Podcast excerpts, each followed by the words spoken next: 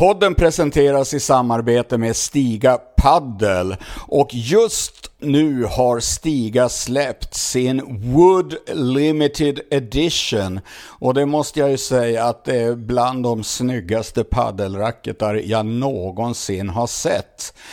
De är alltså gjorda i någon form av retrostil där det ska se ut som träpanel. Ett lite mörkbrunare och ett ljusbrunt. Gå in på stigasports.com så ser ni de här skönheterna. Och som vanligt, som alltid, så har ni 15% rabatt med koden PF15. Tack Stiga för sponsen. Barnen är i säng, i huset råder fri. Äntligen så får du lite egen tid. Du sätter dig med lurarna i soffan och lyssnar på det enda värt att lyssna på. Paddelfeber, paddelfeber, paddelfeber, paddelfeber podcast. Uh, podcast. Det är tisdagen den 9 maj. Eh, utanför mitt fönster kvittrar fåglarna. Det är ett underbart solsken. Eh, sommaren är nästan här. Eh, och Johan, jag sitter på mitt kontor för första gången när vi spelar in. Ja, men det är kul. Jag har förstått att du har flyttat in på ett kontor. Eh, berätta, alltså är det, är, är det en sån här klassiker att ni är ett gäng konstnärer som delar på, på mm. någonting? Eller hur, hur funkar det? Så är det. Eh, vi är ett gäng, eh, faktiskt många podd, poddmakare. Eh, som, som har denna lokalen. Bland annat en annan sportpodd, Della Sport, som ju är en stor en stor, de ligger ofta e- etta på den här sport. Ja, den, den är jättestor. Då är det Jonathan Unge och... Ja, precis. Ja. Det är det gänget. Jonathan just Unge och Simon Svensson och de här. Så jag sitter just nu och dricker kaffe ur en Della Sport-mugg. Ja, men det är stort. Eh, ja. Men det får väl bli en Paddelfeber Podcast-mugg så småningom. Ja. Eh, det, det, jag har lovat, jag har sagt till Simon att vi ska gå om dem i lyssnare. Men det, det kan vara svårt, inser jag sen. Eh, för, för en nischad podd som oss. Men, eh, men vad fan, här sitter jag. Det är underbart, underbart skönt. Och så slipper jag, lyssnarna har ju fått höra Jack lite i bakgrunden ibland. Det har kanske varit trevligt för lyssnarna men det har varit rätt, det är rätt svårt att sitta och spela in podd när det liksom pågår familjeliv i bakgrunden. Oh. Oh. Så här är det skitbra. Man, och igår var jag lite mosig i huvudet eh, efter att ha spenderat två hela dagar på SPT i Helsingborg. Och du var ju också där två dagar. Men du var där fredag, söndag va? Ja, jajamän. jajamän. Visst blir man lite uh, tom i bollen. Man mm. behöver nästan en hel dag emellan där för att samla ihop tankar och sånt. För uh, ja, det, det, ah. tar, det tar, det är ljudet och så ska man prata med hundra personer och sådär. Mm. Så det är förutom padden, alltså så här är mycket som tar kraft när man är i hallarna. Nej, jag funderade när jag kom hem, varför har jag, vad fan, varför har jag ont i vaderna? Ont i, ont i liksom, har jag, men man har nog stått mycket och man har, gått, man har ändå gått mycket i den här paddle crew, är ju jättelik hall. Ja. Så man har, man har ändå gått lite mellan banorna. eh, och sådär. Jag var ju, jag var ju lite och hängde lite grann in i den här, eh, den nyaste hallen, för där hade de ju då de unga, alltså barnen eh, ja. och tonåringarna och allt vad det var. Eh, och det var ju Anna som var med någon dag. Hon, har, hon är så här, vad säger man, mentor för några ja. unga tjejer som de spelade där. Ja, ja, precis. Så jag fick hänga lite där. Och fan vad det är coolt att vara där inne. Vill man se den bästa tekniken så är det ju där. Alltså man ska vara, speciellt på killarna då. Ja. De, de här 14-15-åriga killarna vilken jävla... Man ser, det är så härligt att se. De har ju bättre teknik än, än, än alla andra. Ja, men det är så. Det är så. Det eh, coolt och ro, roligt att se hur de verkligen har stått framför spegeln och nött förberedelserna och volleytekniken. Overheadsen är ju så vackra så... Eller hur? Ja, det är som du, instruktionsvideos. och du och, jag så, du och jag skrattade lite åt någon liten kille vi såg där med liksom paddelväskan går ner till, till knävecken liksom. Ja. och han har en skön bandana eller något liknande. Det var så, ja. man, man ser de har sina idoler redan, precis som det ska vara liksom. Eh. Exakt som det ska vara. Det, nu kommer paddelgenerationen här som får börja i unga år och de har förebilder, både svenska och givetvis på VPT. Jag såg en sån spelare som Oskar Govik, stod och, när jag gick förbi stod han och skrev en, skrev en autograf. Det är, det är jävligt härligt liksom. Ja, det är riktigt härligt. Det var ju någon kille där som gick och tog av alla på en keps. Till slut fanns det inte många kvadratcentimeter kvar där att skriva. Ja. ja. ja, det är jävligt fint. Men det var, det var sköna, sköna dagar förutom att man blev lite trött. Eh, så vi ska ju snacka mycket om den här SPT'n. Ja. Det finns, finns många ändar att börja i. Eh, vad, vad, var dina intryck? Eh, vad var dina, dina största intryck efter helgen? Ja, det är att det finns inget bättre ställe ännu fortfarande i Sverige att ha sådana här stora tävlingar på en paddle crew. Eh, och det är så mäktigt när Paddle Crew på något sätt går all in och fyller den där jättehallen med klasser. Det var ju en SPT Future som gick samtidigt som en stor SPT och dessutom fulla B-klasser och C-klasser. Och ändå känns det aldrig trångt eftersom det Nej. finns så sjukt mycket banor. Men det, det, det, är så kul när barnen tävlar samtidigt som Danne Windahl är i hallen och Vaskes och Girdo. Eh, då, då, blir, då tycker jag SPT är som allra, allra finast. Eh, när man får se sina idoler och till och med gå och prata med dem. Och så, eh, ja, det, är, det, det är coolt. Det, det, var väl det starkaste intrycket. Ja. Eh, vi, har mycket, vi har mycket sportsligt att eh, gå igenom eh, med, eh, med på här sidan ett vinnarpar som överraskade eh, trots att vi visste att de var bra. Eh, så jag, jag, tycker vi bara kör en liten jingel, sen går vi rätt in på herrarnas tävling. Ja. Vi är sponsrade av Sweestar Sports. Och det gläder oss extra mycket eftersom det är första gången. Så välkomna till podden. Sweestar Sports drivs av Anders, Fredrik och Magnus från Göteborg. Och det är tre eldsjälar som alltid lockats av att försöka ta fram produkter som tar utvecklingen framåt. Och sen de blev då helt paddelfrälsta så är det då inom padden som de eh, försöker hitta riktigt, riktigt bra grejer. Och i det här avsnittet ska vi lyfta två produkter. Dels Overgrip-lindan Swegrip Extreme som jag verkligen tycker att ni ska ge en chans. Den är helt enkelt av toppklass. Den har rätt elasticitet, den har bra klibb och den har bra hållbarhet.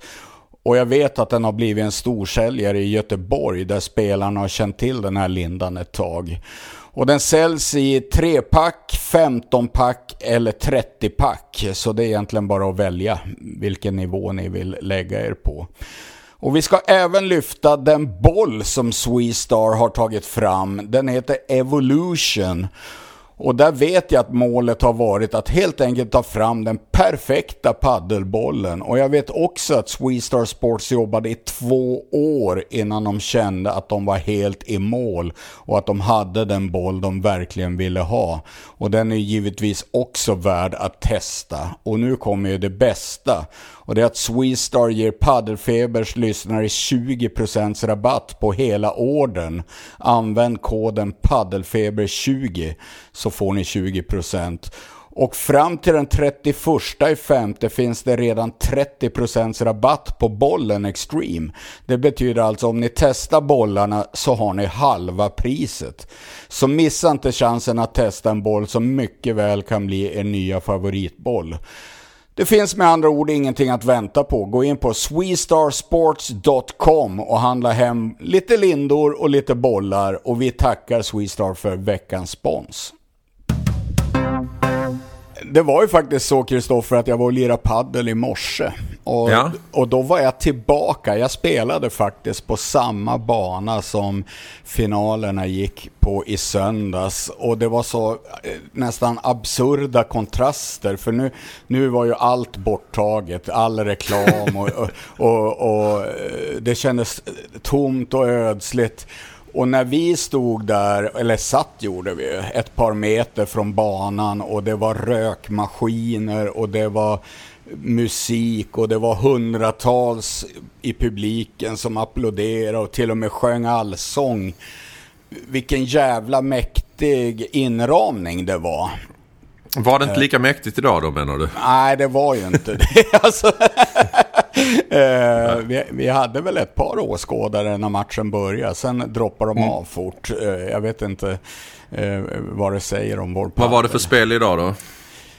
Ja men det är så här att jag ska spela SPT Veteran om typ två och en halv vecka. Ah, fan vad kul. Och, eh, och då ska jag spela med en eh, tjomme som heter Sverker. Och vi har knappt spelat ihop förut. Så han och jag provade nu att spela ihop. Och vi, vi, vi, är ju så jäkla osynkade. Han vill spela på ett sätt och jag på ett helt annat sätt. Så nu, nu, nu ska vi på den här tiden försöka jämka ihop det där på något vänster. Ja, men det är kul. Det är också kul. Ja, det är en utmaning. För han vill ju spela mycket hårt och lågt och jag vill ju helst spela långsamt och högt. Så att eh, eh, vi, vi, kommer få eh, anpassa oss till varandra och mötas lite halvvägs tror jag. Så men eh, jag känner bara, får vi ihop det hyggligt så är jag nöjd och så ska det bli sjukt kul att, att tävla igen. Så, eh, ungefär så. Var går denna av stapeln? Löddeköpinge, så då tycker jag du ska komma och coacha oss, Kristoffer. Absolut.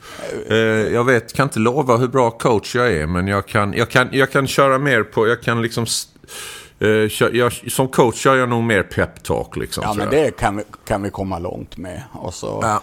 Och så, och så ta, glöm inte en portion snus kan du säga också. Så. jag, kan vara din, jag kan vara din snusleverantör. Så ja, när, du behöver, när du behöver snus så gör du något tecken till mig. Så liksom exakt, kom. exakt. Ja. Jajamän. Men det är ja, så det härligt, vet du, för nu såg jag att Magnus Wahlström och Jan Fridén hade anmält sig. Mm. Och, och får jag peka ut en favoritfiende i svensk paddel så är det ju dem. Jag mm. tror fortfarande inte jag har lyckats slå dem. Eh, men det är så härliga snubbar och de är alltid bra tillsammans. Och eh, det skulle vara jävligt kul att möta dem ännu en gång. Ja, vi har ju förlorat ja. mot dem du och jag också. Ja, det har vi gjort. Ja, så att, ja visst, ja. nej de... Det, ja, men det ser jag fram emot. Uh, hoppas jag är ledig så kommer jag... jag skitsamma, jag ställer in vad jag än har. Ja, exakt, exakt. jag ställer in och kommer. Ja, ja, så du var tillbaka på, på brottsplatsen där och, och såg och, och, fick känna hur det var nu. Men om du tänker tillbaka på... Mm. Uh, den här finalen. Ska vi börja med finalen eller? Ja, det är lika bra vi börjar med den. För det, det, det, det kändes ju som, det som definierade hela den här SBT-tävlingen egentligen var ju att Danne Windahl var hemma. Eh, och att han och Vaske spelade tillsammans. Och de flög ju fram ända till finalen. De såg ju helt ostoppbara ut.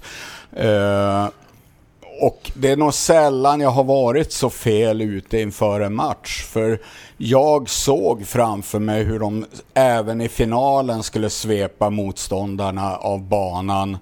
Eh, ja. Men, de tappade ju aldrig mer än tre game i något sätt tid under, nej, in, nej. fram dit. Exakt. Och, jag, och, när jag såg hur Cayetano, Rocafort och, och den här José Luis González hade fullt upp med att slå Appelgren och Frost i semifinalen. Det var två stenhårda set. Så såg jag inte något annat framför mig än att Danne och Simon skulle vara ett helt nummer för stort även i finalen. Men dels hade jag nog underskattat den där Gonzales. Han var en bättre spelare än vad jag trodde. Dessutom hade jag underskattat hur bra Kaje kan Simon och även herr Windahl. Och hur mycket han älskade situationen att möta dem där pressen låg på svenskarna. Och resten, som jag ser det, var en mental historia. Eh, kommer nog få återkomma till det, men det, det, det vart lite av någon form av kraschlandning, någon eh, kollaps skulle jag nästan vilja påstå. Ja, det, det, det, blev lite som det här läget när hemmapublik när det blir ens, på något sätt ens motståndare istället. Man brukar säga att i, i straffläggning i fotboll så är man inte riktigt säker eh, på vilket som är bäst. Att lägga straffar mot sin egen klack eller att lägga det mot motståndarnas klack. För att eh, det kan bli en press att ha, att ha sin egen klack när man ska utföra någonting. Och mm. det, var lite den, det var lite så det blev denna, kändes det som. På något sätt så blev det, i alla fall i Dannes fall, så kändes det som att det, det blev en tyngd på hans axlar med, med släkt och vänner och, ja. Och bekanta och, hela hallen där. Eh, Vet du vad jag tror, Kristoffer? Uh, jag tror att det var en kombination av det, att uh, han hade alla runt sig, både han och Simon hade ju släkt och vänner och runt, och så var det en jättehemmapublik och alla förväntades det so stora saker. Det var det ena. Det andra var att det var just Cayetano och Rocafort på andra sidan som ja eh, om, om Fridén Wahlström är mina favoritfiender så är ju Cayetano den spelare som Danne alltid har speglat sig emot eh, när han har tagit sig fram. Det, han har ju berättat, Danne, nyligen för mig hur hur han åkte ner till Spanien för första gången när han skulle satsa på paddel och fick träna mot Kaje och blev i princip nollad gång på gång. Och hur han sen närmade sig och närmade sig och sen han för första gången fick slå Kaje Eh, med Kalle Knutsen i en SPT-final. Hur han besegrade Kaje och Alvaro Cepero första gången han kvalade in i en eh, VPT. Mm. Eh, Kaje har alltid varit den där personen som han har jämfört sig med. Och nu tror jag Danne kände att nu har jag sprungit ifrån Cayetano. Och det var nog Dannes inre bild när han gick in här att inför alla, inför pappa släppa Jörgen så ska jag nu svepa Rocafort av banan. Mm. Alla ska få se hur jävla bra jag har blivit. Och eh, så börjar det med att Simon är lite stel. Han är lite darrig. Jag tror han var lite tagen av stundens eh, allvar. Och då är det som att Danne hamnar i någon form av mental tilt och eh, överarbetar det mesta. Han tar för många bollar. Han, han vill så fruktansvärt mycket så det blir ingenting utav det. Och kommer du ihåg sista poängen i första set? Jag vet exakt vilken det är. Danne drar en, en liksom en Bashada stenhårt i motstånd, som går ut i motståndarnas bakväg. Och den är ju ett, ett sånt där märkligt beslut som visar att han inte var helt i, i balans. Fanns ingen anledning att gå på så hårt på en eh, Bashada där. Ja, framförallt, alltså Bashadan skulle jag säga är nu ett av Vindals normalt sett bästa slag. Och mm. jag undrar om han har missat en Bashada så grovt på hela säsongen. Och han slår en helt okontrollerat. Och mm. hade det inte varit glas där så undrar jag om bollen hade landat än. Alltså det är en ja. enormt grov miss. På en golden point, det är en setboll emot.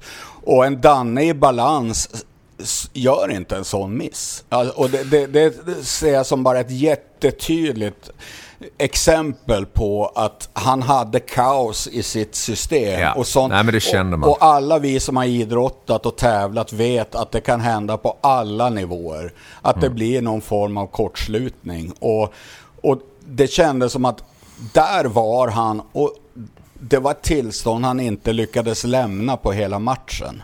Men sen var det ju också så, du och jag satt ju och såg den tillsammans där och vi, vi sa det här att spanjorerna vann ju alla, alla de viktiga poängerna. Ja. Eh, tog de hem till en början. Och vi sa att alltså...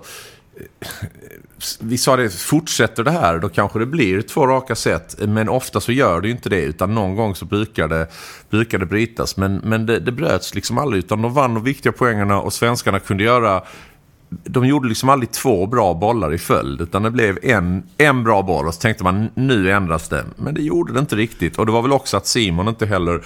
Jag tror inte Simon kämpade lika... Han gjorde bara en lite sämre match än vanligt. Eh, så han gjorde en lite sämre match och Danne hade fullt upp med sina, sina demoner. Ja, Eh, ja, ja. Skulle man nästan kunna säga. Och det, det tillsammans blir ju att då, blir det, då är de inte bättre än så här såklart. För att det, det kändes lite som att gå tillbaka i tiden en tre, fyra år. Du vet när svenskarna, när de mötte spanjorer så försökte svenskarna spela hårt och spela tufft. Och spanjorerna kunde med fantastiskt försvarsspel spela ut svenskarna ändå. Och så blev det två raka set. Lite så blev det ju nu. För det var ju ja, de kom inte igenom spanjorernas försvarsspel. Speciellt eh, Rodriguez där som, eh, som var en, eh, en mur nere i sitt forehandhörn. Eh, så så det, det blev, liksom, det är så här. Danne och Simon är fantastiskt bra och har gått otroligt långt. Men de är inte så bra än så att de på en dålig dag ändå kan vinna. Är det en dålig dag? Och, och det där hänger, jag tror det där hänger ihop med det jag var inne på, att Danne var någonstans mentalt som gjorde att han byggde inte poängen. Och det var ingen fantasi eh, och det var ingen lekfullhet, utan det var som eh, full kraft allt som oftast. Och det där grejade ju Cayetano. Eh, och för det var ofta att Danne ville fejsa just Cayetano. Det var som nästan någonting personligt där att jag ska slå sådana slag som du inte klarar av att ta. Och så vart inte det utfallet och då var det som att Danne bara ville ännu mer och ännu hårdare. Mm. Medan en Danne som är i perfekt fas och balans, ja men då har han mycket bredare repertoar och han leker bollar lösa mot mitten och det eh, vinklar mot galler och, och, och, och spelar mycket mer oförutsägbart. Ja. Nej, det, blev, det var inte mycket glädje. Det var det inte. Men, eh, eh, sen var det också en situation som också visade att han inte var, att han inte var på rätt plats mentalt. När eh, eh, Cayetano gör ett overheadslag som jag märkt, som satt några meter därifrån, märkte inte att det var något fel på det slaget. Men Danne slutade poängen och sa att det var en oren träff, eller om man menar att det var en fösning. Eh, eller vad det var. Ja. Och han fick inte medhåll av domaren här. Eh, vilket jag får ge cred till, till domare, var det Glenvik i den matchen va? Jajamän, Eh, det var det. Som, ändå, som ändå stod på sig där. För att det, det är ju en annan grej vi kan diskutera. Det har varit några domarinsatser i den här turneringen som har ibland så... De måste stå på sig, domarna, helt Mm. enkelt. Eh, även om de inte är hund, de måste stå på sig. De kan inte börja vela, för då är det ingen anledning att ha dem där. Eh, men där stod han faktiskt på sig och sa att nej Danne, det, det var inget där. Och, och den, den visade bara att han var inte, han var inte på rätt plats denna gång. Nej, bra att du lyfter det för jag hade helt glömt bort det där, kanske förträngt det. Men det är alltså en, en oerhört viktig poäng. Det är då de blir breakade i andra sätt och det är en golden point där också om jag minns rätt. Och att bara ta det beslutet att avbryta spelet är ju någon form av kollaps i hjärnan. Eh, det kan man ju inte göra för do, dom, det blir svårt för domaren att ta det beslutet. Eh, Ja, det, såklart. det, ba- bara för att Danne har känslan av att det var en oren träff räcker ju inte. Utan då måste verkligen Glenvik se det jättetydligt att det är en oren träff. Och när då Kaje säger nej, nej, nej, nej, den var helt, den var rätt. Då, då bl- blir det omöjligt för Glenvik att ta ett annat beslut. Eh, Ja. så, och, och bara att eh, ta den risken eh, för Danne är ju märkligt. Och det är precis som du säger, det är bara ännu ett bevis på att det, det var stressat i jär- järnkontoret just den där matchen, just den där dagen. Nu var det ju så att svenskarna förlorade, vilket vi var ledsna över. Samtidigt älskar jag att det är så här idrott är, att favoriterna kan falla. Vi gjorde en uppsnack eh, på Instagram inför, eh, inför finalerna. Och jag tror vi använde ordet oslagbara med Simon och Danne och jag började snacka om att det var snabbt underlag på centercourten, vilket det ju är. Och att det skulle passa Danne och Simon jättebra, det skulle passa spanjorerna sämre och så vidare. Och jag vet inte, jag minns inte vad jag tippade, men jag tippade ju absolut två raka. Och sådär, så så det, är, det här är skärmen. Så här ska det vara. Eh, annars hade det inte varit kul. ja, jag, jag är fortfarande inne på att om de här två lagen skulle mötas tio gånger så vinner Danne och Simon åtta. Och eh, för att eh, Kaje och eh, José Luis ska vinna, då krävs det att vissa saker ska hända.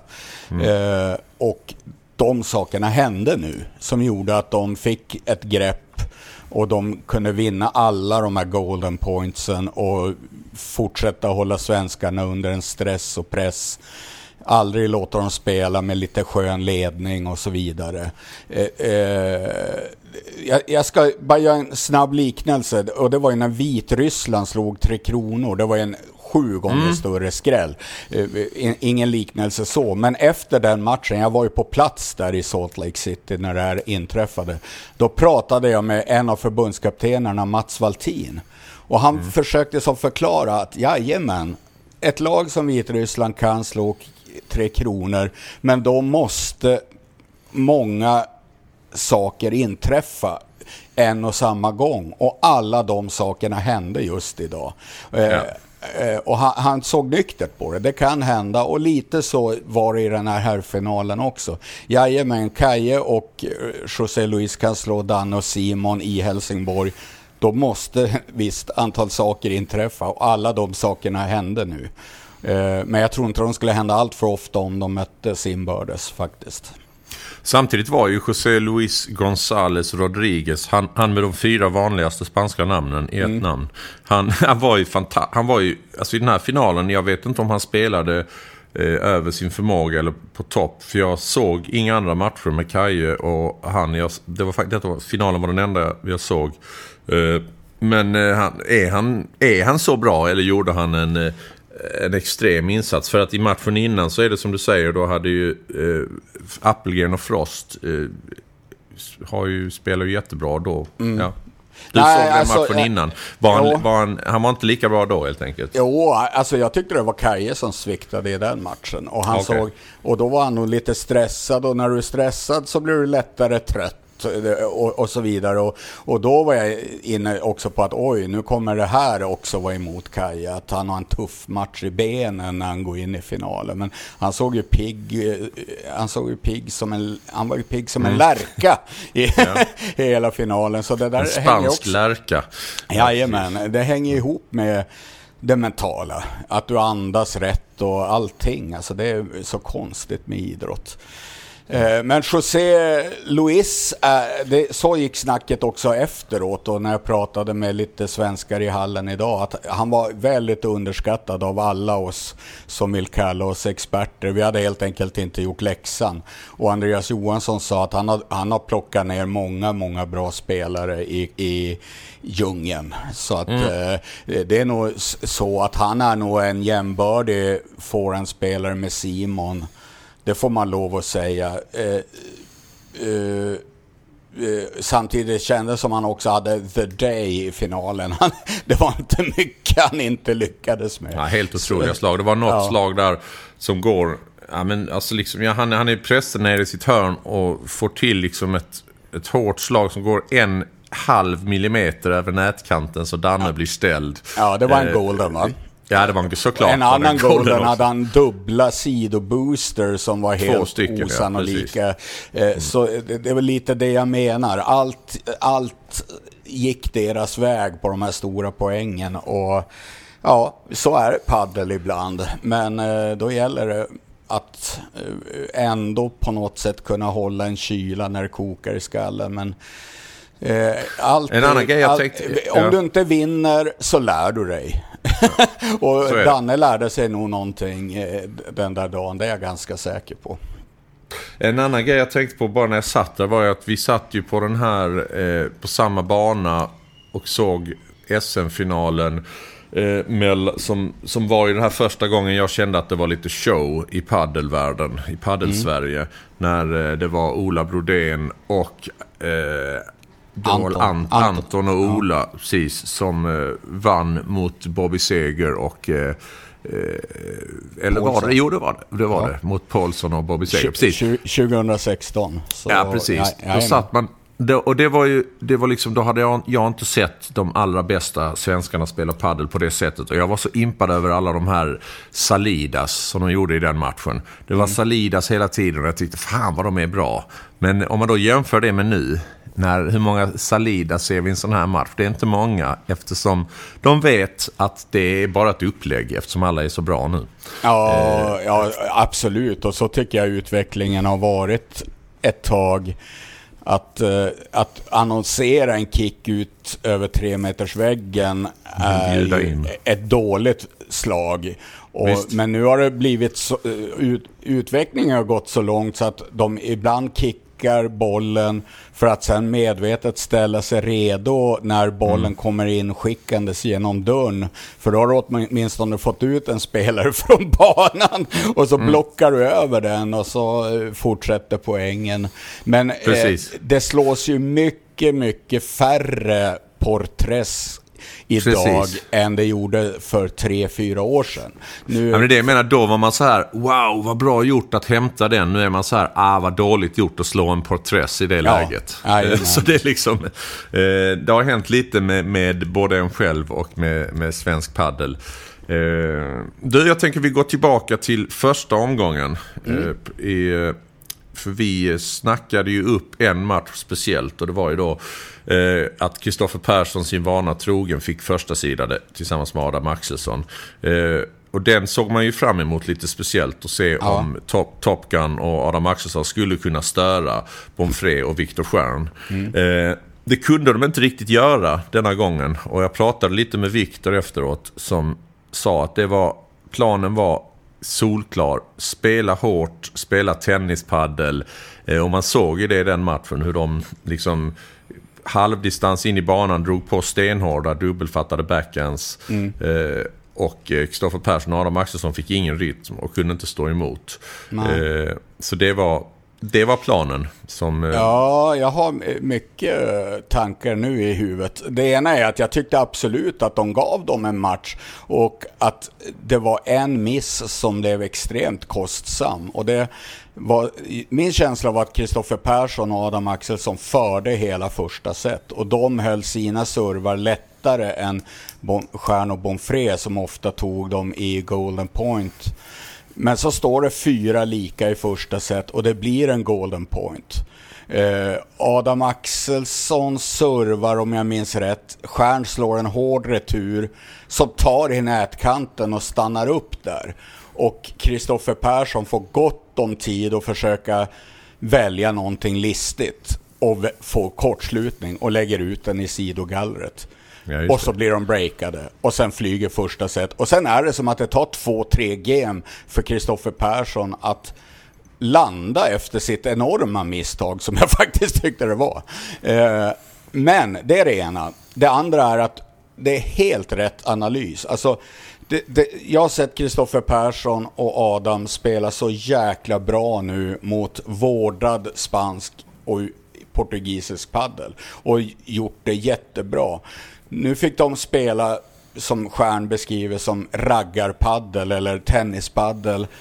Och det, det, var uppenbart att det var inte framförallt vad Kristoffer Persson tyckte var särskilt trevligt. Eh, han hade svårt att hålla kontroll på sin volley och fick nästan aldrig börja bearbeta med sin jättefina bandeja för det kom inga lobbar.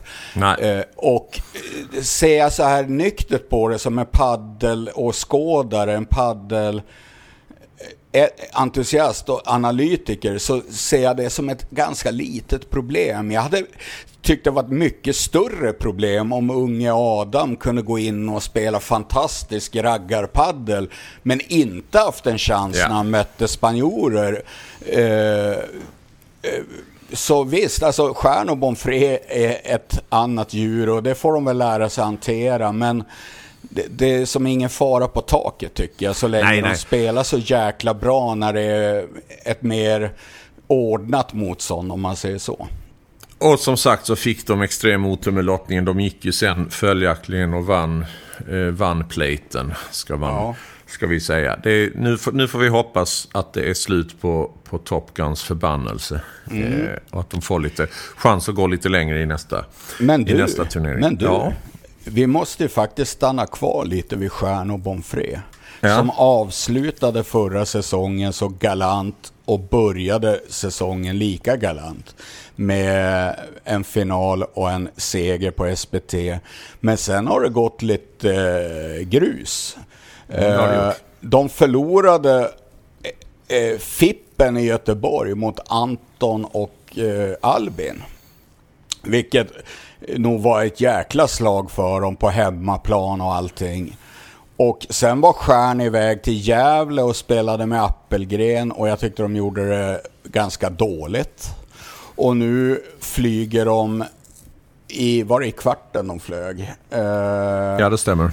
och eh, ja, det är inte riktigt vad vi förväntar oss av Stjärn och Bonfré. Våra förväntningar på det paret har ju blivit så pass höga nu så att eh, det får man väl nästan se som ett misslyckande och särskilt sättet de förlorade på när det var en sån här stenhård match och det vart lite vamos och det var lite bråk om domslut och alla de aspekterna kom in i matchen. Då ska ju Stjärn och Bonfré bara vinna. Det, det, Exakt. Så, det är så Ja, de jag, satt ju, fungerar. jag satt ju såg den matchen på plats och den var ju eh, som åskådare, som, som opartisk åskådare var det ju en underbar match att se. Den innehöll allt som en, en, en bra match ska innehålla. Det var lite, det var jämnt och det var fight, det var liksom lite dålig stämning. Det var någon boll från, från eh, Bonfré som Bonfré tycker det är inne men de argentinaren där, Facundo Erguy, dömer ut den och, och det, blir, det blir säkert en kvarts diskussioner och domaren var inte där och så vidare. Och efter det så blev Facundo Ergoy uppretad. Han var som ett, som ett, upp, som ett uppretat bi. Det kändes som att han, resten av matchen ville han bara få igen en poäng gratis. För det var som att han tänkte att jaha okej, det är så här det funkar. Man bara säger att en boll eh, och sen så får man, får man spela om den. För de spelar om den till sist. Så han blir liksom uppretad och man vet ju att Viktor Stjern har ju framförallt har ju liksom ett, ett jävla temperament eh, på banan. Så det var mycket känslor i den matchen. Och precis som du säger så tänker man när, när Stjärn och Bonfré ändå plockar hem första set i ett stenhårt tiebreak. eh, efter att de har räddat setbollar och så vidare. Då tänker man, "Ah, ja typiskt göteborgarna, nu, kom, nu tar de detta. Ja, ja. Eh, men eh, vet du vad, jag tror att en av anledningarna att de faktiskt förlorade är att det här känner ju inte Facundo Ergoy och Nicolas Brusa till. De vet ju inte hur, de vet ju, de har inte, de har inte den här respekten på det sättet som jag tror svenskarna har. Som alltid vet att oh, nu är det omöjliga Stjärn och Bonfré som är, som är sådana krigare. Utan de, eh, de krigade bara tillbaka lika mycket. Så det var faktiskt en magisk match att se. Det var den roligaste matchen jag såg under, alltså rent underhållningsmässigt. Och den hade, hade faktiskt kunnat gå åt vilket håll som helst. Eh, men man, som du säger, man blir lite förvånad att, inte, att, att de inte plockar dem där. Men de sätter sig också i situationer där de måste vinna det i tiebreak och de måste vinna det i... Måste rädda. Alltså det är ju det här. De är ett jävla bra publiklag alltså. Ja, Eh, ja. Men, eh, Men vad visst vart, som inte... visst vart man jäkligt förtjust i det där nya laget Ergy och Brosa. Ja. Eh, som kommer helt oskrivna för oss svenskar. Eh, nu har man ju fattat att Ergy är ju ett ganska aktat namn hemma i Argentina och Mm. eh, har nu eh, virrat in sig på svensk mark. Men att de slår ut två svenska landslagspar på vägen visar ju att de är riktigt bra. Och nu såg jag att de också ska åka till Saudiarabien och spela Fippen och de får kvala. Men det visar ju också att de är väldigt ambitiösa och seriösa i sin satsning. Så det, det blir en, en rolig krydda för svensk paddel och svenska turneringar om de där ska vara med och stöka och böka och, eh, och jävlas. Absolut, och jag tror nog att, eh, jag tror nog att Viktor är sugen på en, på en revansch. Framförallt Viktor, för jag tror den, Oh ja, oh ja. den, den sved såg man i, i när de tackar varandra. Den, det, är inte, det är inte roligt när det blir lite sån, när det blir lite sån kamp med en spelare framförallt. Som det, som det kändes som det blev mellan, är, du säger RG, det kanske är så man säger det. Eh, är, RG eller RG. Eh, Ja. Ja, men det, det, blev, men kändes lite, det var någonting mellan dem just. Eh, ja. Det var väldigt höga skrik från, från RG när de hade vunnit matchen och sådär. Eh, ja, Provocerande, han var, du vet. Han, var ju också, förutom att han hade eh, sitt latino-temperament, vilken otrolig bolllirare det var. Ah, och han hade ju stoppvolleys och grejer som var, och han hade en salida som var bland det värre jag skådat. Så han var ju otroligt underhållande att se, medan då den där Brosa var lite lite mer by the book. En stabil backenspelare som eh, kan smasha hårt när han får läge och så. Men RG var ju en liten favorit. ja, jag, jag, håller med att de, de ser man gärna igen. Och de gick ju in här helt osidade och fick ta sig hela vägen fram. Så det var en... Eh, ja, hoppas de, de, är, de är hjärtligt välkomna tillbaka tycker jag. Till, ja. till SPT.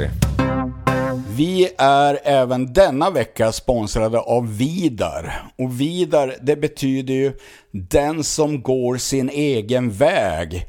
Och det är lite så Vidar vill vara inom padden. Tystlåten men ändå en vinnare som satsar på snygg, nedskalad och elegant design och riktigt, riktigt bra material. Vidar gör racketar för ja, oss som vill någonting med vår paddel, som vill förbättra oss och som vill ha bra grejer. Och då hjälper Vidal till med modeller med rätt kvalitet, skön balans, bra spelkän eh, spelkänsla och eh, det är någonting som allt fler har upptäckt och det är kvaliteten på Vidars paddelracketar. De är av allra, allra högsta klass. Testa gärna Vidar och vi tackar Vidar för veckans spons. Vi är sponsrade av Danish Paddle Open. Jajamän, det är alldeles strax dags för DPO som vi säger och lite generöst kallar för Sveriges andra VPT eftersom Hillerö ligger så oerhört nära och lättillgängligt för oss svenskar. Och för att få svenskarna att vallfärda över sundet och se på världspaddel så ger ledningen för DPO alla svenskar 10% rabatt på biljettpriset, vilket är en riktigt schysst deal. Vi kommer att lägga upp länken på sociala medier som tar er direkt dit ni kan köpa rabatterade biljetter. Uh, och dessutom har danskarna en riktigt mysig och gemytlig VPT-tävling med klassisk dansk gästvänlighet. Jag stortrivdes där förra året och räknar med att göra det även i år. Så har ni bara chansen, åk och se VPT i Hilleröd. Det är en riktig höjdare och vi tackar Danish Paddle Open för veckans spons. Ja du Kristoffer, för en vecka sedan ungefär så satt vi i sofforna på Paddle Crew och hade en gäst i podden. Eh, Linnea Björk och vi tyckte väl att det var ett bra läge att ha med henne. Eh, men man kan väl lugnt säga att tajmingen var ganska bra och att hon blev lite av den här tävlingens huvudperson på damsidan, eller vad säger du? Verkligen. Eh, det här borde andra spelare ta som ett eh, eh, ta som en lärdom. Ställ upp som gäst i vår podd så går det bra i tävlingen som följer. Eh, det är en garanti. Vi... Det, är, det är nästan en garanti. Nå, nå, några visdomsord från, från Jonsson och Johan som man kan ta med sig in på banan. Så släpper så, det. Du sa. Att hon skulle, du sa att hon skulle kicka galler och jag sa att hon skulle droppa. Uh. Eh, dock så gick det, hon ju in, i, vi pratade ju upp första matchen då eh, mot sin gamla partner eh, Carla, eh, Carla Rodriguez. Vi, Nej, vänta, eller vänta. Carla, eh, oh, de är så många. Ja. Eh, vad heter hon nu? Carla... Barciela. Just det, jag tar om den meningen. Jajamän. Jajamän. Dock eh, var det lite tuff start, väldigt tuff start får man säga, då hon gick in och mötte sin gamla partner Carla Barciela i första matchen. Mm. Eh, Ayla och eh, Linnea är ju en hårsmån från att göra... Ah, fiasko hade det inte varit eftersom det var en tuff första match, men... Eh, ja, men jag men skulle säga att det var ett fiasko om det hade blivit 6-1 6-2. Som jag trodde det skulle bli där när jag såg den matchen. Mm. Tänkte jag, ja, ja, stackars, stackars Linnea. Tänkte ja. jag, de ligger under med... I andra set förlorade i första set, sen ligger de väl under... 5-2. Eh, 5-2 är det, mm. just det. Jajamän. Eh. Och eh, om, om man om vi tidigare pratade om mentalt tillstånd i matchen så var det där ju Linnea Björks eh, mardrömsmatch. Där ja, man såg att, att hon, hon är inte där, hon ser inte banan, hon har tunnelseende, hon har inget beslutsfattande. Och det är sånt där som kan hända av press och stress och inre eh, Eh, egna förväntningar och, eh, och så blir det bara fel.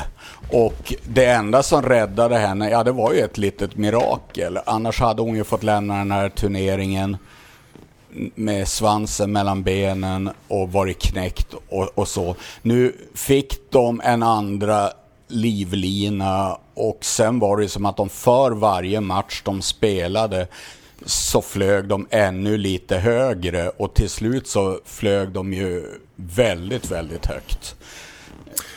Ja, absolut. Att se, ja, jag hade, vi hade ju haft någon slags bild av att man skulle få se då Ida Jarlskog ställas mot eh, mot Amanda Girdo som vi hade pratat om innan och vi skulle äntligen få se Sofia och Ida få riktigt tufft motstånd. Eh, men man tänkte, jag trodde inte att, att, de var, att det skulle vara Linnea Björk och Ayla som gjorde det. Ayla vet man ju verkligen, hon är ju verkligen en stabil spelare. Man har sett henne många år, man vet precis vad hon kan.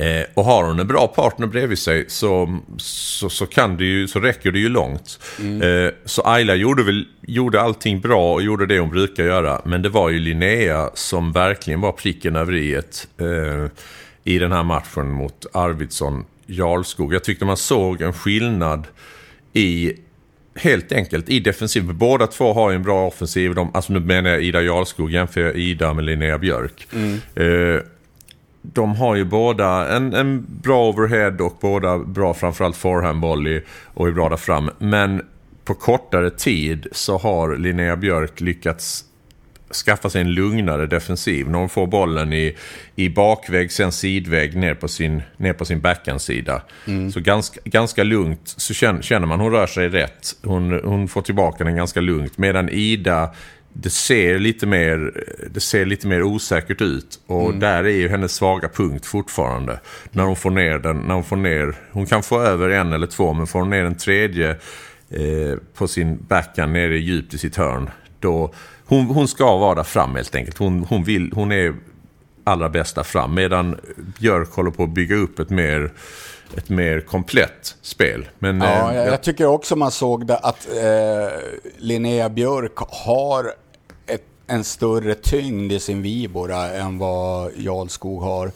Eh, att när hon får stå och parkera fötterna och lägger kroppen bakom så, så det, eh, Jarlskog hamnar under en jäkla press. Hon, när, även när hon vill släppa bollarna, de kommer ut så snabbt och lågt så de är för jäkla tuffa att lyfta upp och så klossar Ayla nätet i samma moment så är man i trubbel alltså.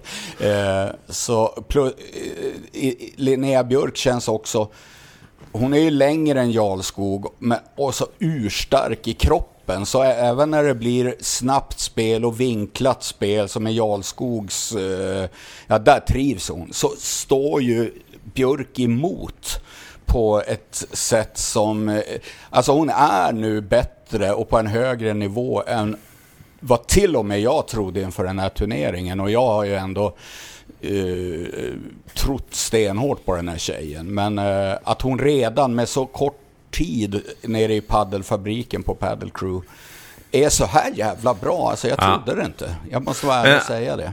Nej, det, det, jag, att du inte trodde det förvånar mig mer. För du har alltid pratat dig varm om Linnea. Jag har varit lite mer, lite mer vänta och se. Men du har ju sett det tidigt att hon har det i sig. Men bara, det bara slår mig här vilken fantastisk turnering de gör. När vi nu, om man nu går igenom det. Först så vinner de ju då den matchen vi pratade om mot Carla Barciela och Magdalena Perez. Och det är ju mm. tufft motstånd.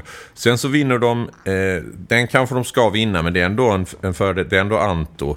Eh, de vinner mot Antonette och Thea Hylander. Eh, det, är ju, eh, det är ändå bra motstånd. Sen ja. går de då och slår Cornelia Lister och Maria Pizio med 6-0, 6-3.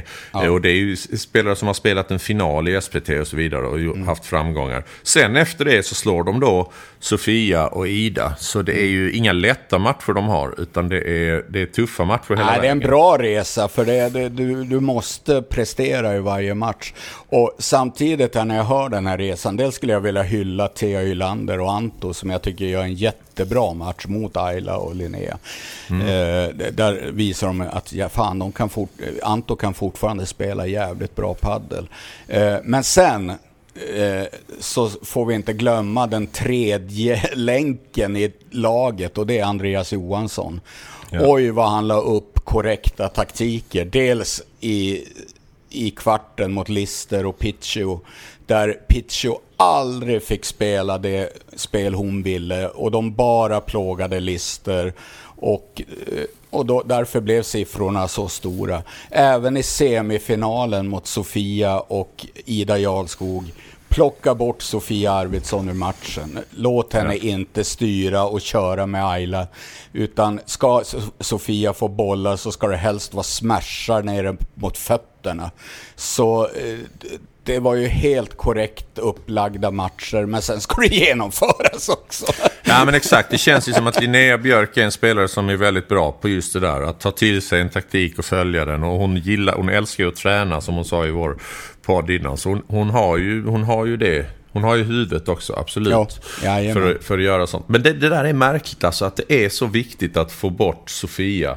Man ja. såg ju det nu. De, de lyckades isolera henne helt. Hon fick stå och och... Men so Sofia är så jäkla bra. Jag tycker fortfarande hon är the queen. Men om hon inte får vara med och bygga poäng och styra, ja men då, mm.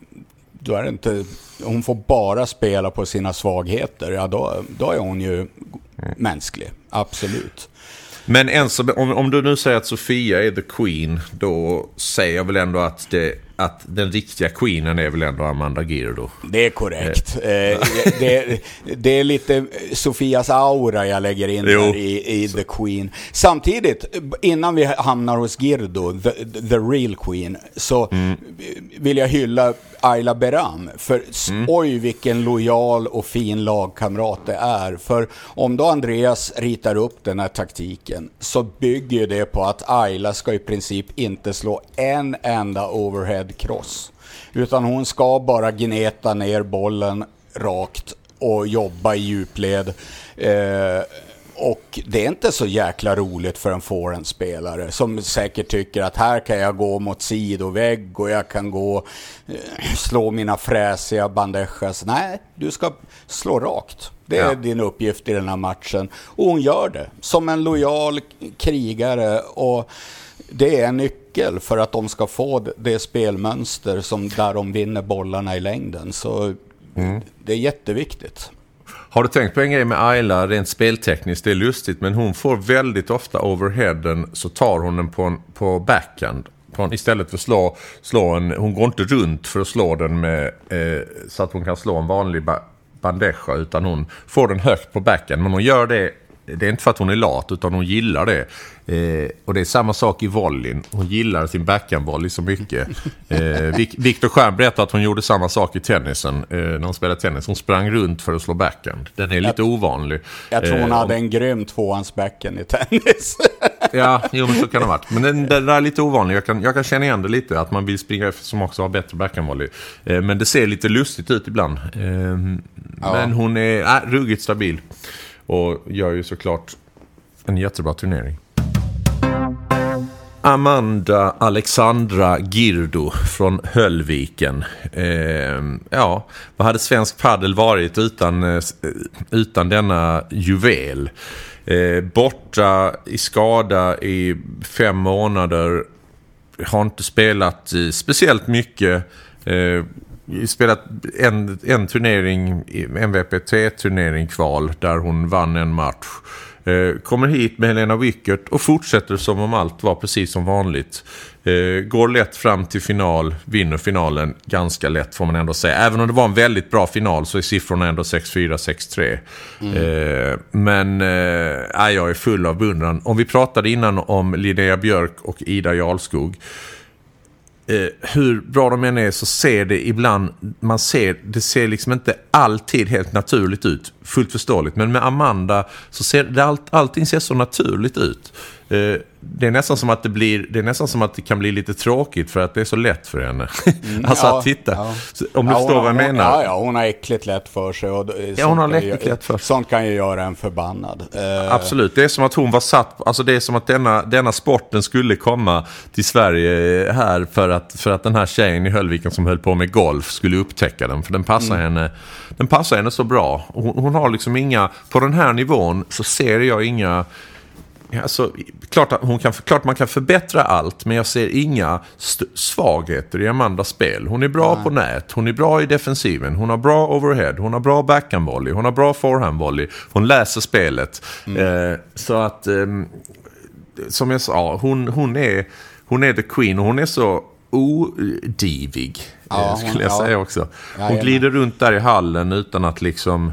Jag sitter och tittar lite på Viktors match lite i bakgrunden och gör, inga, gör inget stort väsen av sig. Alltså sådär. Det finns... Nej. Äh, och jag... Hon är, hon är tjejen att slå för de andra svenska tjejerna. Eh, ja, men, men jag skulle nog vilja säga att jag tyckte att Linnea Björk stod upp otroligt bra i finalen i många crossdueller hon hade mot Girdo. Och jag tycker skillnaden emellan dem är till stor del tid. Alltså att Amanda har spelat paddel ett, några år längre än Björk och därför har skaffat sig mer erfarenhet och varit i fler olika situationer i ja. spelet. Och eh, där såg man att Linnea Björk ligger efter och det kunde Amanda utnyttja. Och jag tycker nog att den där finalen var lite tajtare än vad herr Jonsson antydde här. Mm. Men att eh, eh, det fanns fler verktyg att ta fram ur lådan och Girdo och Wyckert behövde inte ens använda alla verktyg som jag tror de hade plockat fram. Men en sak jag la märke till var, det stod ju fyra lika i första set. Mm. Sen bröt de mönstret. Då började de lobba Linnea och Girdo klev fram två, tre steg och mötte den Viboran på volley. Och hips vips så hade de vunnit första set innan jag tror Björk hade fattat vad det var som hände. Mm. Uh, och det där vapnet använder de också några gånger i andra set som fixade ett break. Uh, och, och, och, det är lite det jag menar. Girdo kan spela paddel på fler olika sätt än vad Linnea Björk kan. Och uh, det är ju mycket vad paddel handlar om. Eh, jag håller med dig om att Linnea stod emot jättebra. Eh, absolut. Det var ingen... Eh, jag trodde inte ens de skulle vara i den finalen och de tar sig dit och står upp så bra. För man, man får inte glömma heller att, att Helena Wyckert är också en bättre spelare eh, än, vad, än vad Ayla Beran är. Så hon hade ju...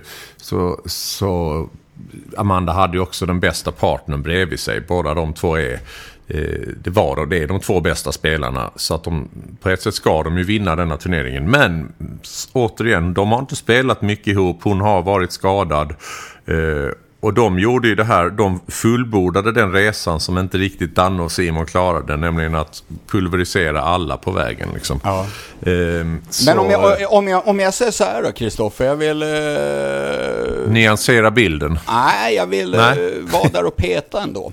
Och, ja. och, och, och, säga att jag tycker att Linnea Björk redan är tillräckligt nära Girdo för att påstå att om de i finalen hade bytt forehand-spelare med ja. varandra så hade faktiskt vi kunnat få ett, ett annat utfall.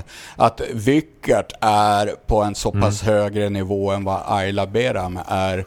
Och det gör att Girdo till slut får chefsrollen och kan avgöra matchen. Men skulle man byta och det är eh, Wyckert som bygger upp för Linnea, då hade det mycket väl kunnat vara så att Girdo hade fått smaka Absolut. lite. Egentligen är min enda poäng den här att nu har vi tre svenska redan, alltså fantastiskt duktiga backhandspelare alltså. Eh, för jag tycker Ida Jarlskog har gjort kanonmatcher den här säsongen. Så jag vill ta med henne i den klubben. Och att ha bara tjejer, att bara kunna prata om att vi har tjejer som kommer nu underifrån som är och hotar Amanda Girdo. Jag tycker ja. det är så jäkla häftigt och det är som där någonstans jag landar i min slutsats. Och, mm. och jag bara tänker tillbaks på den här landslagsuttagningen som var. För man behöver inte vara man behöver inte vara någon super spansk analytiker för att kunna se att Linnea Björk med rätt utveckling kommer hamna på VPT eller vad världspadden kommer heta framöver. Det är där hon hör hemma i en framtid. Så jag har fortfarande inte riktigt släppt där, men varför gav de henne inte bara den erfarenheten och vara med och få träna med dem och vänja sig vid mästerskap och så. För det är dit alla fattar att det kommer landa. Ja. Eh, men nu tror jag, nu, nu, nu tror jag Marie jag Andersson ja, förstår ja, det. Ja, jag hoppas att Marie nu fattar att Linnea Björk är the real deal och att självklart ska hon vara med i ett svenskt landslag. Ja, nu fick jag det sagt. Ja, det är bra. Det är bra. Jag säger inte emot dig Johan. Eh, jag säger inte emot dig. Men det var ett intressant tankeexperiment. Eh, eller det var en intressant eh, tanke på vem som hade vunnit matchen om de hade bytt forehand partners. Jag tror det hade blivit stenhårt. Och Vi får arrangera att, ett sånt möte. Ja, det är nästan ett, sånt, ett jippo. Och det är där, precis som du sa, att Amanda Girdo och de och Helena behövde inte riktigt använda alla verktyg. Jag Nej. tror att Amanda hade haft några verktyg till då om det hade blivit, jäm, om det hade blivit ännu jämnare. men eh, men det, det hade nog blivit stenhårt, det är sant.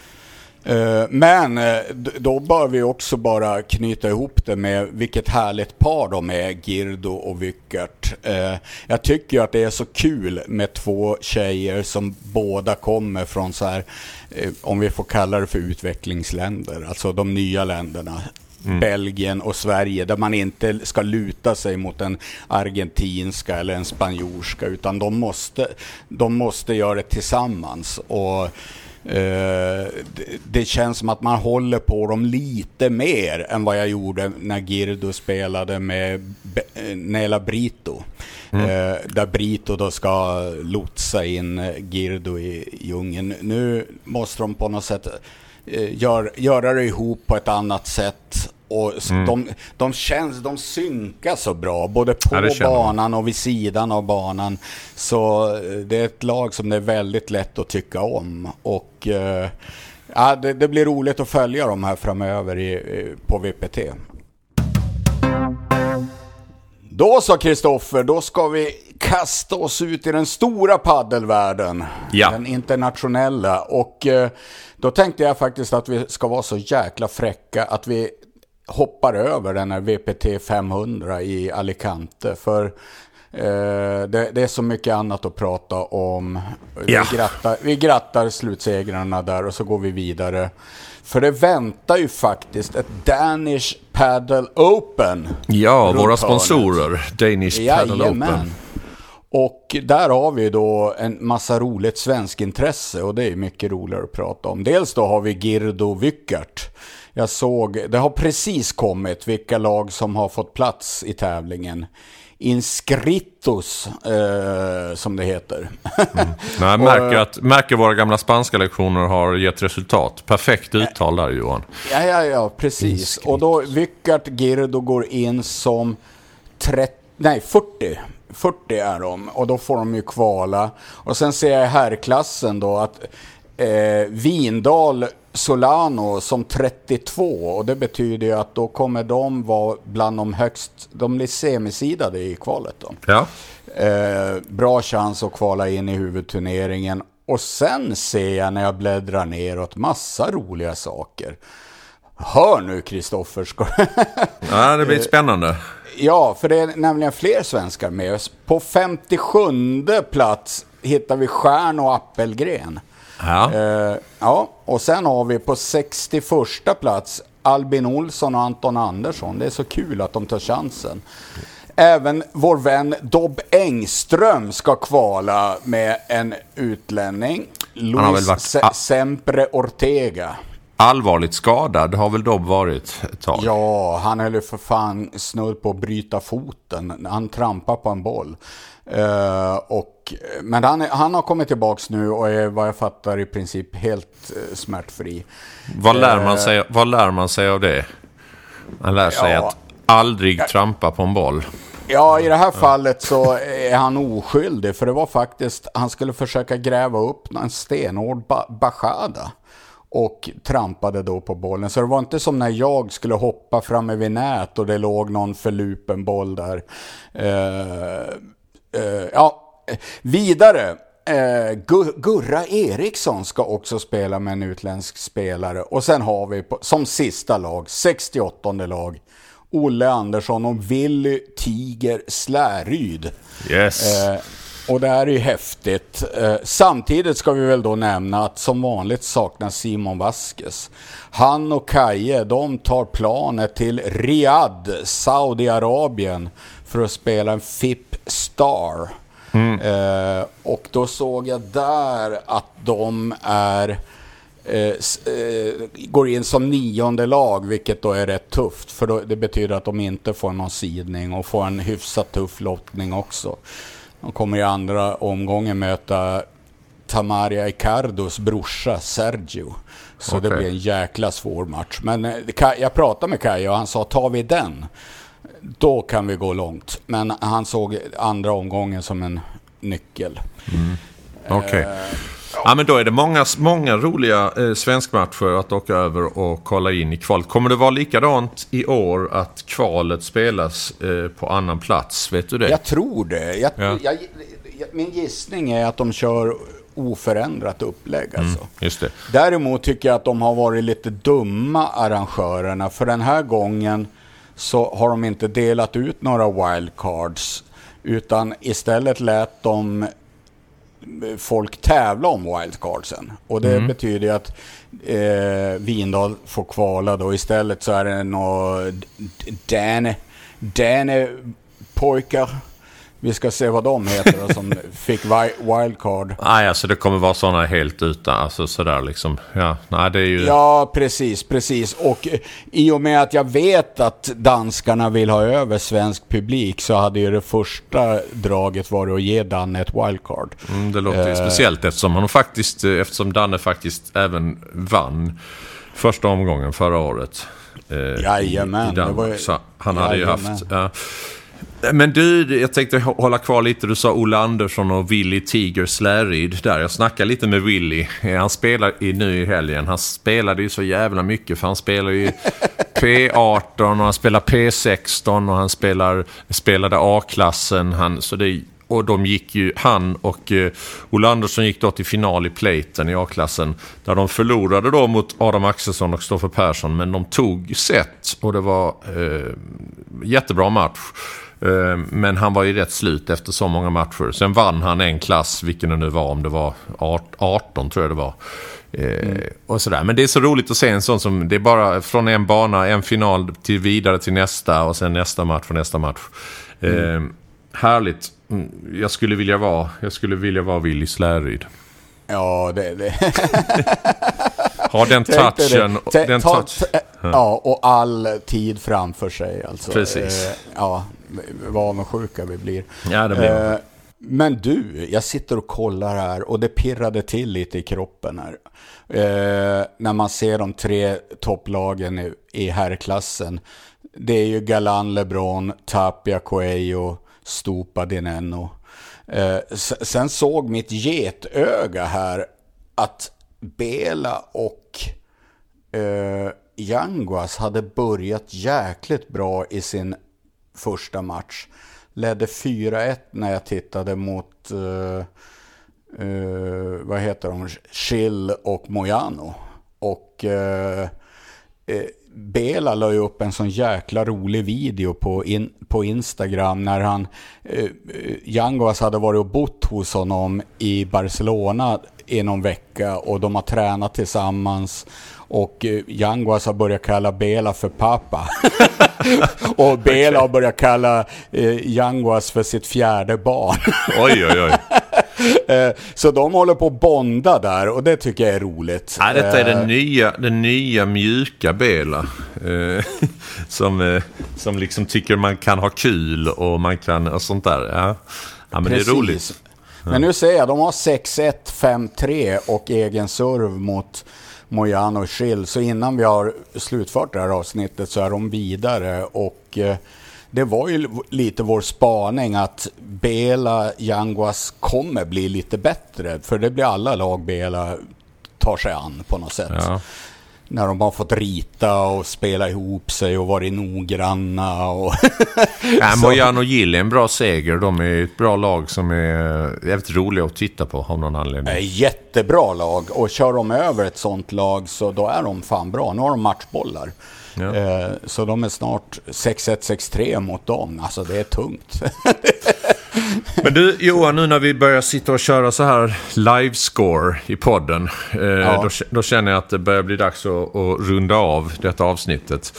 Eh, vi, har, eh, vi har en underbar Danish Open framför oss. Eh, och vad, har, vad händer på den personliga paddelplanet? Har du någon god match? Någon, hur går det i Levels-turneringen? Ja, jag ville bara säga att Bela slog in matchbollen så då har vi Ah, bra. vidare. Då har vi den, ja. eh, Jajamän, det är level imorgon, eh, onsdag. Och eh, sen är det kompispaddel på söndag. Det är det. Eh, men däremot då så har vi då jag och Sverker ett projekt här att vi ska försöka få ihop vår paddel på två veckor. Vilket försvåras av att han ska segla i Grekland. Ja, men vad fan, tar han inte det på allvar? Han kan inte åka Nej, iväg. det, Nej. nej, så vi får se hur det går. Men att ha en SPT där som ligger och ruvar om drygt två veckor, det känns jäkligt roligt. Så då får man som strama till sig lite och Mm. försöka spela bra paddel innan så, så man kan hävda sig. Ja, det låter bra. Jag har eh, en sån här, eh, jag kom med, tror jag i alla fall. Jag hoppas det. Om ni lyssnar så får ni fan ta med mig i laget annars. Att eh, spela en sån här match Malmö mot Trelleborg. Sån där, på skoj men ändå en, ändå en lagmatch. Malmö. Padel mot Padel of Sweden Trelleborg. Eh, som ska vara då nästa torsdag, inte nu på torsdag. Den ser jag fram emot. Så det är mitt lilla mål eh, Ja. i, i, i våra små paddelvärldar. Eh, men innan det så ska jag gå och hämta min, min son eh, på skolan. Så, så, så det tänkte jag göra nu. Har du något mer du vill nämna? Mm, jag funderar. Nej, bara att det är härliga tider. Alltså, Skåne håller på att färgas gult och för en norrlänning så det, det är så jävla maffigt när de här rapsfälten bara börjar blomma och det är härliga tider och det ska bli sjukt kul tycker jag med VPT i Danmark. Eh, och sen är det bara att njuta då. Viggo är nu i full gång så vi, man spänner fast säkerhetsbältet så är det grymt mycket rolig paddel framöver.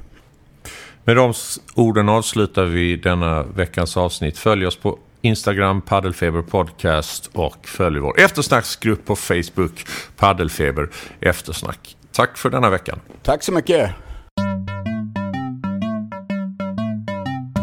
Barnen är i säng, i huset råder frid Äntligen så får du lite egen tid du sätter dig med lurarna i soffan och Lyssnar på det enda värt att lyssna på. Paddelfeber, paddelfeber, paddelfeber, paddelfeber podcast. Uh. Ooh, Podcast.